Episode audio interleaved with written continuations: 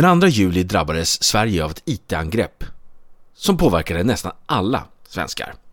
Coops kassasystem låstes med Reevils ransomware-program och butiker runt om i landet fick stängas. Ja, det var några skakiga dagar som avbröt våra normala vardagsrutiner och i centrum för händelsen står en mjukvarujätte, storpolitik mellan supermakterna USA och Ryssland samt en 22-årig ukrainsk medborgare. Okej, vi tar en titt på händelsen i detta avsnitt som vi kallar IT-attacken mot Coop. Du lyssnar på IT-säkerhetspodden. Jag heter Mattias Jadesköld och med mig har jag Erik Salitis. Du var tvungen att fundera, vad heter killen egentligen? Ja, och det känns också skönt att jag får slänga in så här. Och med mig har jag. Ja, ja, ja visst. Som du är bisittaren. Ja, ja, det blir ju så. Det är du Jag som är kan- ledaren. Det, det är som Beatles, vi kan bråka om vem det är som styr. Ja, precis. Då är du Ringo. Tack. Nej då. Nej, men eh, vi vet ju att Ringo var en fantastisk trummis. Ja, han lever fortfarande. Och han Ja, har gett det. ut ett nytt album som inte var något vidare. Hörru, ska vi, ska vi komma vidare? Ja, det kanske ska göra. Eh, läget då? Läget är bra. Det är fredag, det är kväll och eh, lamporna från mixerbordet lyser upp natten här. Just det, den där röda räcklampan lyser. Så det betyder, Oj, att, du, du, du. Nej, det var inget. det betyder att alla grannar håller andan här. För nu ska det vara Ja, ja, eh, studiotyst i, Ja, ja, i etern. ja, de har betalt för att inte bråka. Eh, dagens avsnitt är ju sponsrat av Nordlo.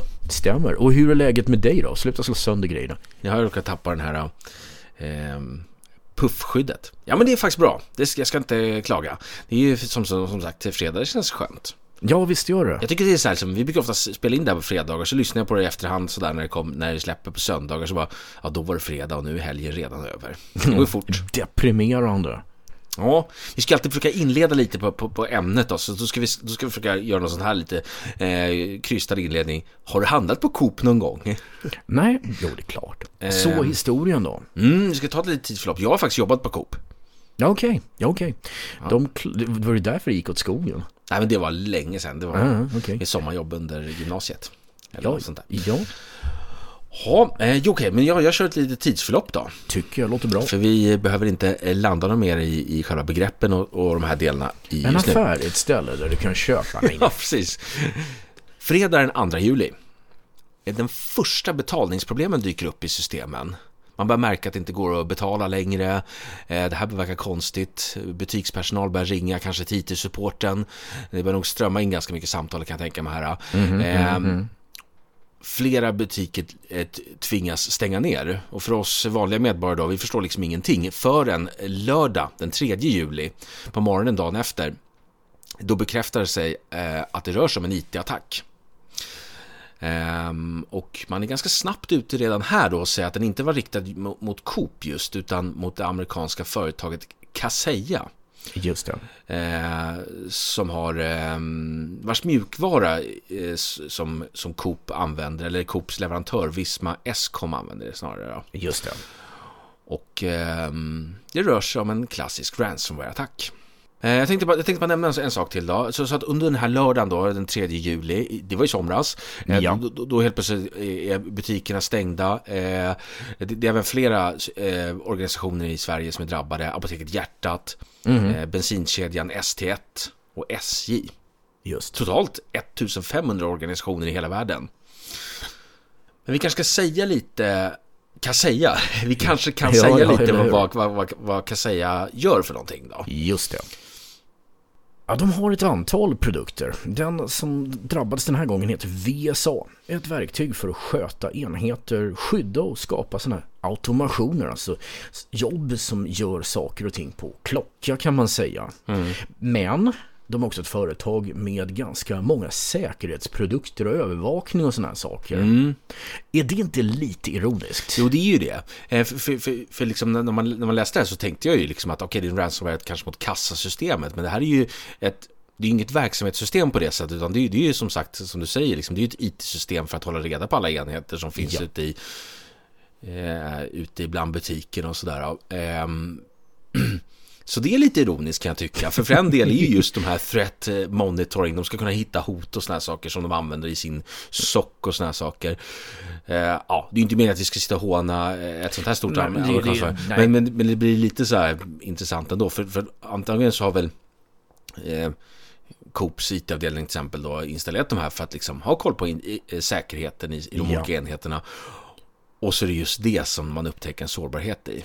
Ja, ja precis. Och det är ju en, en sån här plågsam tanke som var väldigt svår att förstå när, när vi tänkte på de här virusskydden när de kom och sen som blev skadlig kodskydd och nu är internet protection suits. Ja, de går också att hacka liksom. Ja. Det, det har vi pratat om förut. Men eh, ja, uppenbarligen är det hackarna som övervakar övervakarna. Ja, precis. Ja, det är ganska... Det är ganska intressant när man tänker på det. Tänk om det är så här liksom att man installerar ett virusskydd, klassiskt virusskydd, då tänker man okej vad bra, så har den sårbarheter i sig. Ja. Vilket i det här fallet. Alltså det stora problemet med all typ av övervakning, nu kan inte jag svara detalj på de här grejerna funkar för jag har inte använt de här produkterna. Men det finns ju en massa beroende. Om någonting ska övervakas så brukar det ha högre rättigheter och kanske till exempel agenter ute på maskinerna som rapporterar tillbaka data eller till och med i värsta fall adminrättigheter. Vilket innebär att sådana här verktyg i sig är lite läskiga på det sättet. Jag säger ingenting om Kaseya och det här VSA. Men det är en tanke i alla fall. Ja, visst. Man För, för det här verkar ju väldigt kompetent verktyg som, som, som du var inne på. Det ska ju både göra automation, vilket säkert är massa skript som ska köras och kanske kan installera applikationer och grejer, vad vet jag liksom. Den har säkert ganska höga rättigheter runt om och Mm. det, det är säkert inte o, omöjligt att om man tagit över en enhet så kan man lateral traversera, spridning. ja. Ja. Men det jag tänker, alltså minna lite grann från det där. Jag, jag, jag minns det där ganska klart att eh, jag för mig att jag hörde om det på söndagen. Jag var lite upptagen där. Mm. Och då var min tanke att okej, hur många fler är drabbade? För man visste kanske inte fullt detaljer där riktigt. I alla fall fick inte jag veta dem. Eh, och då tänkte jag så här, ja, eh, det, det, min, min första känsla var, ja men vad bra att det är bara Coop och några till. Tänk om varenda ställe där du handlar, inklusive allt från 7-Eleven om det fortfarande finns, Pressbyrån, you name it. Ja, det går inte att handla någonstans. Det, det innebär att det här är ju ett IT-säkerhetshot med en, en mycket större effekt eh, om, om det sprider sig liksom. För det är en annan sak om bara, ja, väldigt många hemsidor är nere, jag kan inte titta på Netflix. Det är trist. Men jag kan inte betala någonstans. Nej, det är rätt jobbigt. Och Coop, det var... Mm. Jag fastnade lite på det här du sa om, om inte 7-Eleven finns. Nu då blev en tankeställning och då tänkte jag, det är klart det finns. Det finns väl, eller? Jag har inte sett det, jo det gör det kanske. Jo, det måste väl Ja, det gör det. Jag, jag, har, levt, Jag jag, det. har levt i covid-karantän för länge uppenbarligen. Ja, man får gå ut då. Pressbyrån vet jag finns. Det, det finns, Pressbyrån, det är Ja, ja det finns sådana. Eh, jo, nu hoppar vi vidare i min tidslinje och, och nu har vi, vi, vi gjort ett litet avhopp där så att nu måste, Ja. man, nu måste, man komma, måste jag komma lite på banan här. Vi, alltså, nu är vi på söndagmorgonen, alltså Ja. två dagar efter, efter, efter där. Och då går eh, Fabian Mogren ut som är vd på Visman eh, Escom då, då Ja. som här kan säga och meddelat att man har flera hundra personer som är involverade i händelsen. Eh, det handlar egentligen om att installera om datorerna. Ja, Det är ju det som gäller i en ransomware-attack. och det gäller även datorer där det inte är uppenbart att de har drabbats, för du vet inte. Ja, och det här säger sig själv att det är ganska svettigt eh, för att Ja, det är nog ganska jobbigt att installera om varenda dator i, i en företags huvudkontor. Liksom. Men här pratar vi alltså kanske, vad vet jag, eh, det är väl en, en dator per, per kassa i varje Coop-butik i hela Sverige. Det är ganska, och, och det, det är ett ganska jobbigt eh, arbete. det är ju det. Och normalt sett på ett kontor då har man den här klassiska F12-metoden där man trycker på F12 startar från det som kallas för PXE-boot eller liknande. Och då startar du vid nätverket, den laddar ner en ny kopia av Windows, för det får vi anta att det var i det här fallet. Ehm, och helt enkelt installerar det åt dig. Men när du är ute på ett lokalkontor någonstans ska du ladda ner en Windows-installation från en central server över en väldigt skakig förbindelse. Då kommer det ta tid. Så jag kan tänka mig att det där drog ut en del. Och jag vet inte om de var tvungna att skeppa över USB-minnen eller någonting. Det är ju frågan om de hade en plan för det här. För det här är lite ett worst case scenario på något vis. Ja, ja precis. Eh, Vi pratade ju för det här för ett tag sedan. Exakt, och, och då pratar vi om Incident Response Plan. Här är det en, nu kommer det här svåra engelska ord igen, Business Continuity Plan handlar det här om. Continuity plan. Så att verksamheten ska vara igång även fast IT-systemen är nere. Så i det här fallet kanske då man skulle ta fram gamla checkhäften eller vad man har för Ja, någonting. Man, man hade någon sån här grej förr i tiden, man, man drog någon sån här papper eh, över ens Visakort så att det liksom stansades in i någon slags... Ja, just det, den där Ja, precis. Ja, just det. Men det var någon sån här kalkerpapper eller vad det heter. Ja, man kanske skulle haft en sån under. Ja, det, alltså, det, det, det, behöver man ju inte göra. Det finns ju de här papperna man skriver på. Alltså fatta att vi inte ens kommer ihåg vad de där grejerna heter längre. Nej. Det säger en del, men förhoppningsvis hade Coop koll på det. Men nu är vi alltså inne på måndagen. Vad borde det ha varit? Då? Nej, vi är på söndagen fortfarande. Vi är fortfarande på söndag. Ja, just det. Eh, Visma har, har gått ut och berättat att de håller på att installera om datorerna samtidigt. Det är 4 juli. USAs nationaldag. Ja, och då är presidenten Joe Biden, för det här är ju på den nivån, det är ju inte bara Coop naturligtvis, vi sa det var eh, det är många som använder eh, Kasejas produkter då, så att eh, det här är eh, stort då. Då beordrar Joe Biden underrättelsetjänst i USA att utreda attacken som man tror eh, ryska Kreml ligger bakom. Just det. Många av de här grupperna, det har vi sagt också, är väldigt bundna till Ryssland. Eller Mm. antas vara det, för det är ju inte så att de berättar om det. Nej. Och Joe Biden var, var, var iväg på någon resa någonstans och det var någon sån här eh, covid-seminarium eller vad för någonting och då under en pressträff där så frågade Reuters honom eh, om just det här och då svarade Biden eh, till en början trodde vi inte att det var ryska regeringen men vi vet det ännu inte. Nej, och det här har vi sagt många gånger, men de kommer inte att erkänna om det skulle vara så att de vet om det. Nej, men några som erkänner eh, sker på måndag den 5 juli. Hackergruppen ReEvil skriver på sin blogg att man kräver ungefär 600 miljoner kronor, 70 miljoner dollar rättare sagt, eh, för att låsa upp ransomware-krypteringen. Man har en liksom applikation som dekrypterar. Just det. Så att man går ut och, och eh, säger att det är de som ligger bakom. Mm. Och den givna frågan är, ska man betala? Eh, Aldrig. Nej, det, det är ju det som är grejen. Det kanske man inte ska göra. Det är ungefär samma sak som att säga, ska du betala beskyddarpengar till maffian? Ja, men i det fallet så finns en ganska stor reell risk för din hälsa om du inte gör det. Men kan du inte få tillbaka data finns en ganska reell risk för ditt företag. Och jag vet, vi hade en intervju med Truesex, Marcus Murray 2019.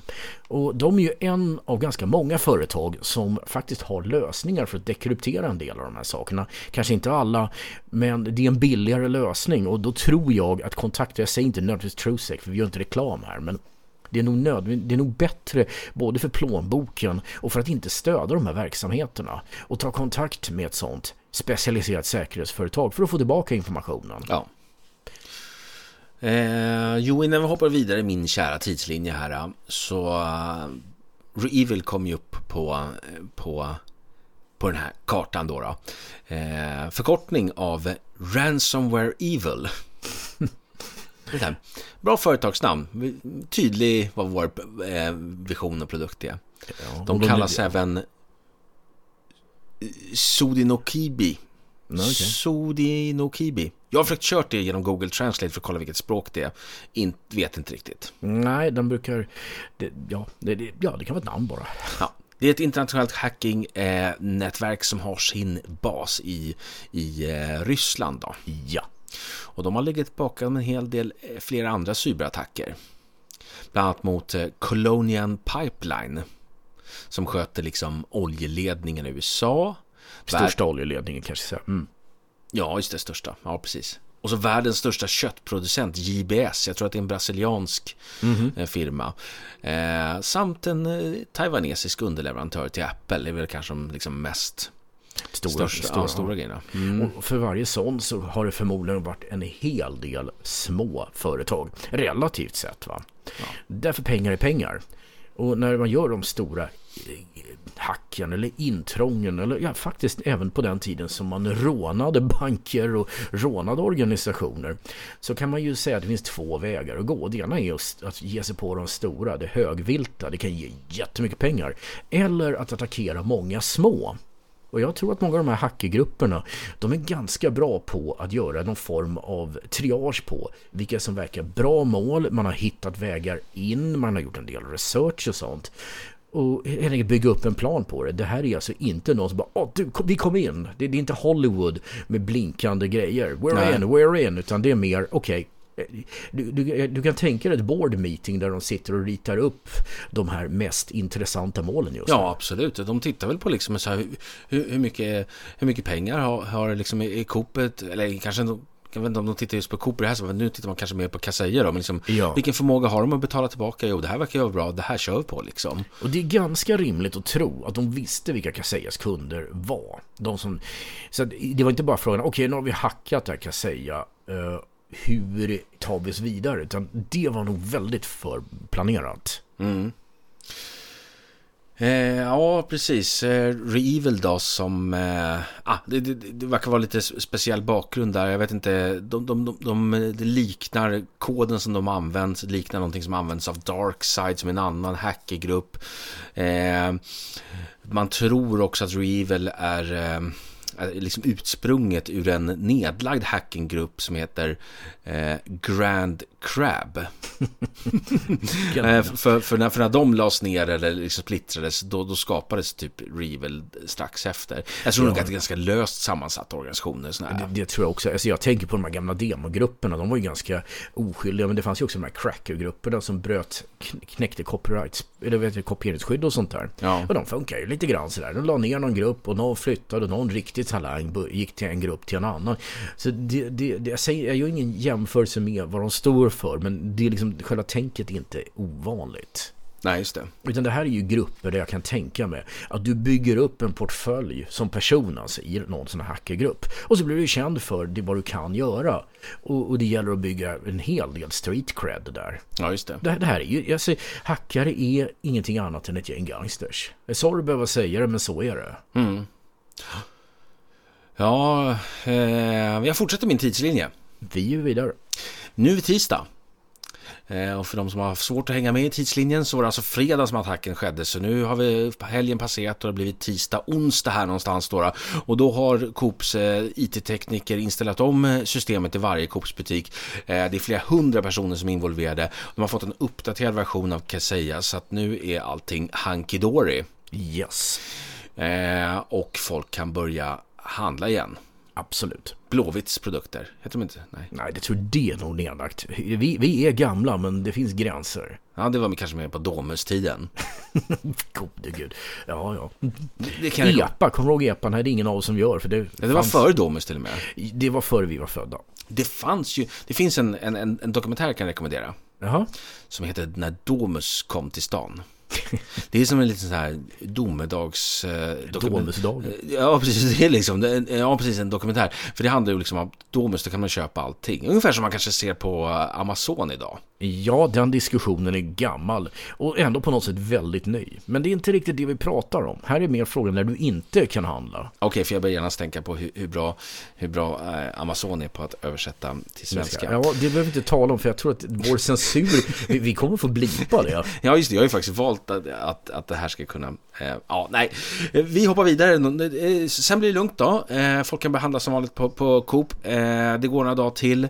Eh, 13 juli så ligger Reevils sajt nere. Det är oklart vem som har stoppat den på något sätt. Då, men det här är väl liksom ett tecken på att nå- någonting har hänt i bakgrunden. Eh, det går också rykten här att eh, Keseya själv har betalat eh, Reevil, eh, vilket de går ut den 27 juli. Nu hoppar vi fram några veckor till. Ja. De går ut och dementerar ryktena att de, att, att de inte har betalat. Just det. Har du några tankar kring det då liksom? Du, du menar att de alltså har erkänt? Dementerar Nej, att de nej, inte... ja, nej, men just det. det, det, Ja, just det, det, där är det blir- ganska bra att få till. Nej, men jag förstår. Dubbel.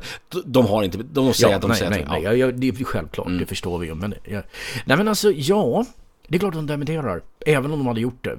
Så jag, jag vill säga, vi får aldrig veta. Men vi får i det här läget faktiskt acceptera att de förmodligen inte har gjort det då. Tills Jag vi... har väldigt svårt att tro en sån här stor Ja. ja. mjukvarujätte i USA som är säkerhets... Eh, ja, svårt att tro att de har betalat till en Nej, det hackerorganisation. tror inte jag heller. Jag, det, I det här fallet är jag beredd att tro dem. Men ja, de skulle inte erkänna dem om de hade gjort det. det Nej. Herregud, nej. Man, man kan ju säga så här, jo men du måste eh, göra någon form av full disclosure. Alltså det, det är mycket lagar och sånt där kring det. Men Mm. det tror jag sköts ganska mycket under lyckta dörrar och grejer. Så att eh, förmodligen någon gång i framtiden kan vi prata om det med lite perspektiv. Men för nu får vi helt enkelt anta det. För att det är inte jätteroligt att betala lösenords, eller lösen, lösensummor alltså. Nej, det är ingenting bra kommer ut av det. Även, Eh, nej, precis. Och nu hoppar vi fram lite. Sommaren är borta. Det är 8 oktober. Nu börjar hända saker här. Poliserna eh, börjar göra lite tillslag. En eh, 22-årig ukrainsk eh, medborgare, Jaroslav Wasinskyle, grips i Polen och väntas på att bli utlämnad till USA. Mm. Eh, han, han tros ligga bakom det här helt enkelt. Han Ja. tillsammans med en 28-årig rysk medborgare Eh, jag tror inte jag går in på och försöker, försöker uttala det där. Eh, Vi, vi skriver in det i våra show notes. Polyanin heter han efternamn i alla fall. Yes. Eh, han häktas inför sin frånvaro. För det var nämligen han som pengarna, skulle, eh, pengarna gick till. För det gick en, hel pengar, en del pengar dit faktiskt. Det, det är märkligt att de kan hacka grejerna väldigt bra. Men de är inte bra på att dölja var pengarna går. Och jag kan tänka mig att hacka, att spår, att om du är bra på att hacka grejer så kan du säkert vara bra på att dölja dina spår. Men jag tror också att myndigheter och Interpol och alla de här organisationerna är väldigt bra på att spåra pengar. Eftersom det är så pass otroligt gammalt sätt att hålla på att tvätta pengar och skicka pengar till anonyma konton och grejer. Det kommer ut. Ja, om det är vanlig valuta då, men det är kryptovaluta så... Ja, men någonstans så måste kryptovalutan omvandlas till riktiga pengar. Ja, just För det. de vill inte ha det i bitcoin. Ja, nå- någonstans måste de ta ut pengarna, antar jag. Om, om de inte vill köpa sin glass för bitcoins. Nej. Och nu väldigt nära i närtid här, 4 november, det var bara för några veckor sedan, då, då, då, då grips två stycken hackare i Rumänien. Det, det, det här är liksom, vad kan man säga det här moderna bankrånarteamet. Vi har liksom Ja. Ukraina, Polen, Rumänien, det är liksom spritt. Just det. Så två stycken grips av Europol, Just det. eller Europol som det heter på tyska. Ja, just det. Precis. För de som eh, är lite mer... Som, som kan tyska. Ja, precis. Jawohl, mein Herr. Ja, ja. Jag har, läst, jag har läst tyska i sex år. Jag kan inte prata det. Jag kan förstå det. det Ja, precis. ja. Eh, Nej, men okej. mm, Men ja. nu är vi, vi är nästan i modern tid, eller på att Ja, precis. Och, och nu är vi bara för tre dagar sedan, eh, den 9 november, fyra månader efter attacken, då eh, har man lyckats få tillbaka 50 miljoner, eh, lite över 50 miljoner kronor, eller 6 miljoner dollar då. Eh, det är den amerikanska myndigheten som har beslagtagit dem från Reville, helt Just. enkelt. Och det betyder ju att organisationen har, har betalat ransomware, eh, lösensumman liksom. Att organisationer, ja. Men det betyder inte att alla har betalt och det betyder definitivt inte att Kaseya har betalt. Nej, precis, verkligen. Nej, Nej, precis. Alltså vi klargör det. Ja, exakt. Ja. Men det, det är klart, några av dem kanske inte har muskler att antingen dra tillbaka grejer från backuper som de mycket väl kan ha förstört. Mm. Och de kanske inte heller har muskler att eh, kontakta rätt identiteter. Det kanske inte går att återställa av någon anledning. Då har de varit, känt sig tvungna att göra det. Så någonting får de ju ut av det. Ja, De räknar nog inte med att alla betalar. nej precis. Men om de har fått eh, så mycket som 6 miljoner dollar, det här kanske inte allting. Nej, nej, då var det nog en ganska bra grej för en 22-åring. Och och hans tre kom- kompisar. Ja, det, men fortfarande det här är en bit av organiserad brottslighet. Mm. Så det, är liksom, det, det gäller att vara väldigt viktigt att förr i tiden när man plockade in folk som till exempel han Michael Kelsey som vi pratade Just om. det. Han var ju bara en tonåring med lite vilda idéer. Det här är en helt annan, helt annan nivå på. Ja. Och det här um, kopplingen till om det är kopplat till eh, Kreml, alltså ryska staten egentligen. Det är ju inte klarlagt än. Nej, det är ju en, vad man ska säga, educated guess. Men det är rätt mycket saker och ting pekar på det. Framförallt de här grupperna rent allmänt har en tendens att hålla sig borta från Ryssland när det gäller sina attacker. Va? Mm. Ja, och det, det kan man ju fundera, det i sig är en ganska stark indikator. Och man, man kan ju fundera på vad Ryssland skulle göra om de vände på det, om de började och, och göra det. Jag tror inte att det, de skulle klara sig särskilt länge. Jag, jag är rätt säker på att Kreml vet exakt namn och identitet vilka de är. Ja, kanske är så. Jag tror det. Mm. Men, men det, är, det är lite en annan diskussion där. Ja, det är det. Ehm... Efterspel och Zero Days. Ja, just det. För det var ju tydligen en zero day i de här Kaseya-produkten som de använde. Mm. Alltså en patch som tillverkaren själv inte kände till. Nej. Och alltså fanns ingen fix för den. Och det är ju rätt läskigt. Det sitter ju alltså väldigt mycket forskare av olika slag och plockar sönder sådana här produkter. En del av dem av nyfikenhet och intresse men andra för att samla just de här zero daysen. De är hårdvaluta. Och det vore väldigt, väldigt synd om de blir kända men det blir de till sist och då måste du hela tiden bygga upp ett nytt lager. Mm. Och det är därför det är väldigt svårt att skydda exponerad yta. Så om du har en webbserver eller någon typ av sån tjänst eller vad som helst ute på internet så kan du ha patchat den perfekt och ha satt upp allting, härdningsbaselines är på och ändå tar de sig in. Mm. Webbläsare har historiskt sett varit notoriska för det där. Jag har sett det hända. Ja. Jag, jag, jag kan berätta om en helt ärlig händelse när jag råkade ut för det. Ja. Eh, webbläsaren, det var Firefox, fullt patchad. Den bara dök, den kraschade. Och jag vet mer än att inte liksom lita på att ah, den kraschade. Det mm. kan ju hända. Jag tittade i loggen, det här var Linux, så jag dumpade loggfilen, alltså syslog då, som talar om vad som händer.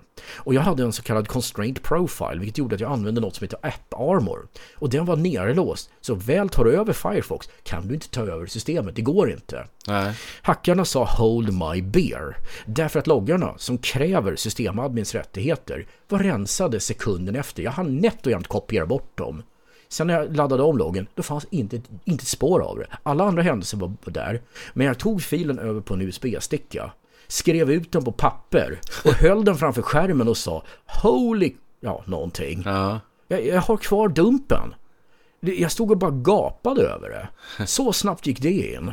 Och jag kunde se de händelserna var AppArmor som skriker någon försöker att använda sysadmin-kommandon. Alltså det finns ett antal API-anrop. Mm. Sen blir det bara tyst. Så de hade inte bara brutit Firefox, som dessutom körde som icke-admin. De hade brutit AppArmor och de hade brutit Linux. Och det tog sekunder. Mm. Det är en Zero Trust. Just det. Eller förlåt, sorry, Zero... det är inte alls en Zero Trust. Nej, det är inte Zero Trust. Det är en Zero Day. Exploit, ja precis. Yes. Zero Trust är någonting helt annat. Är man det... nyfiken på det så har vi ett gammalt avsnitt om det. Yes. Eh, Ja, det är det som är skrämmande egentligen. Så att eh, den som upptäcker det sitter på en slags makt ju, kan man säga. Ja. Det där var hela storyn då, så långt som vi har kommit. Och det känns ju som att vi är väldigt nära i tiden, så det kan säkert dyka upp någonting nytt där. Men du hade ju en liten intressant eh, tanke där också, ja. eh, innan inspelningen. Om det är så... Hur var det nu då egentligen? Att, att att det kanske är så att man inte vill attackera allt på en gång för att inte skapa för mycket hit kring sig. Kan du, kan du resonera lite kring det? Ja, absolut. Men den, det är en tanke där. Va? Mm. Eh, om du, det, det här är ju bara spekulativt. Men du måste ju balansera hela tiden risk mot vad du får för det, alltså typ belöning. Mm, konsekvens. Risk, ja, riskkonsekvens. Ja. Och om du då gör någonting som är väldigt riskabelt, då drar du på dig uppmärksamhet. Hit är väl egentligen uppmärksamhet från polis. Det är ju en gammal sån term som man hade från polisfilmerna på, på 80-90-talet. va. Eh, och när du drar på dig allt det där och polisen börjar, då, då är det liksom Interpol, det kan vara som Europol då, det kan vara, men du kan få stora organisationer efter dig. Det vill du inte. Så du tänker, hur mycket kan jag göra?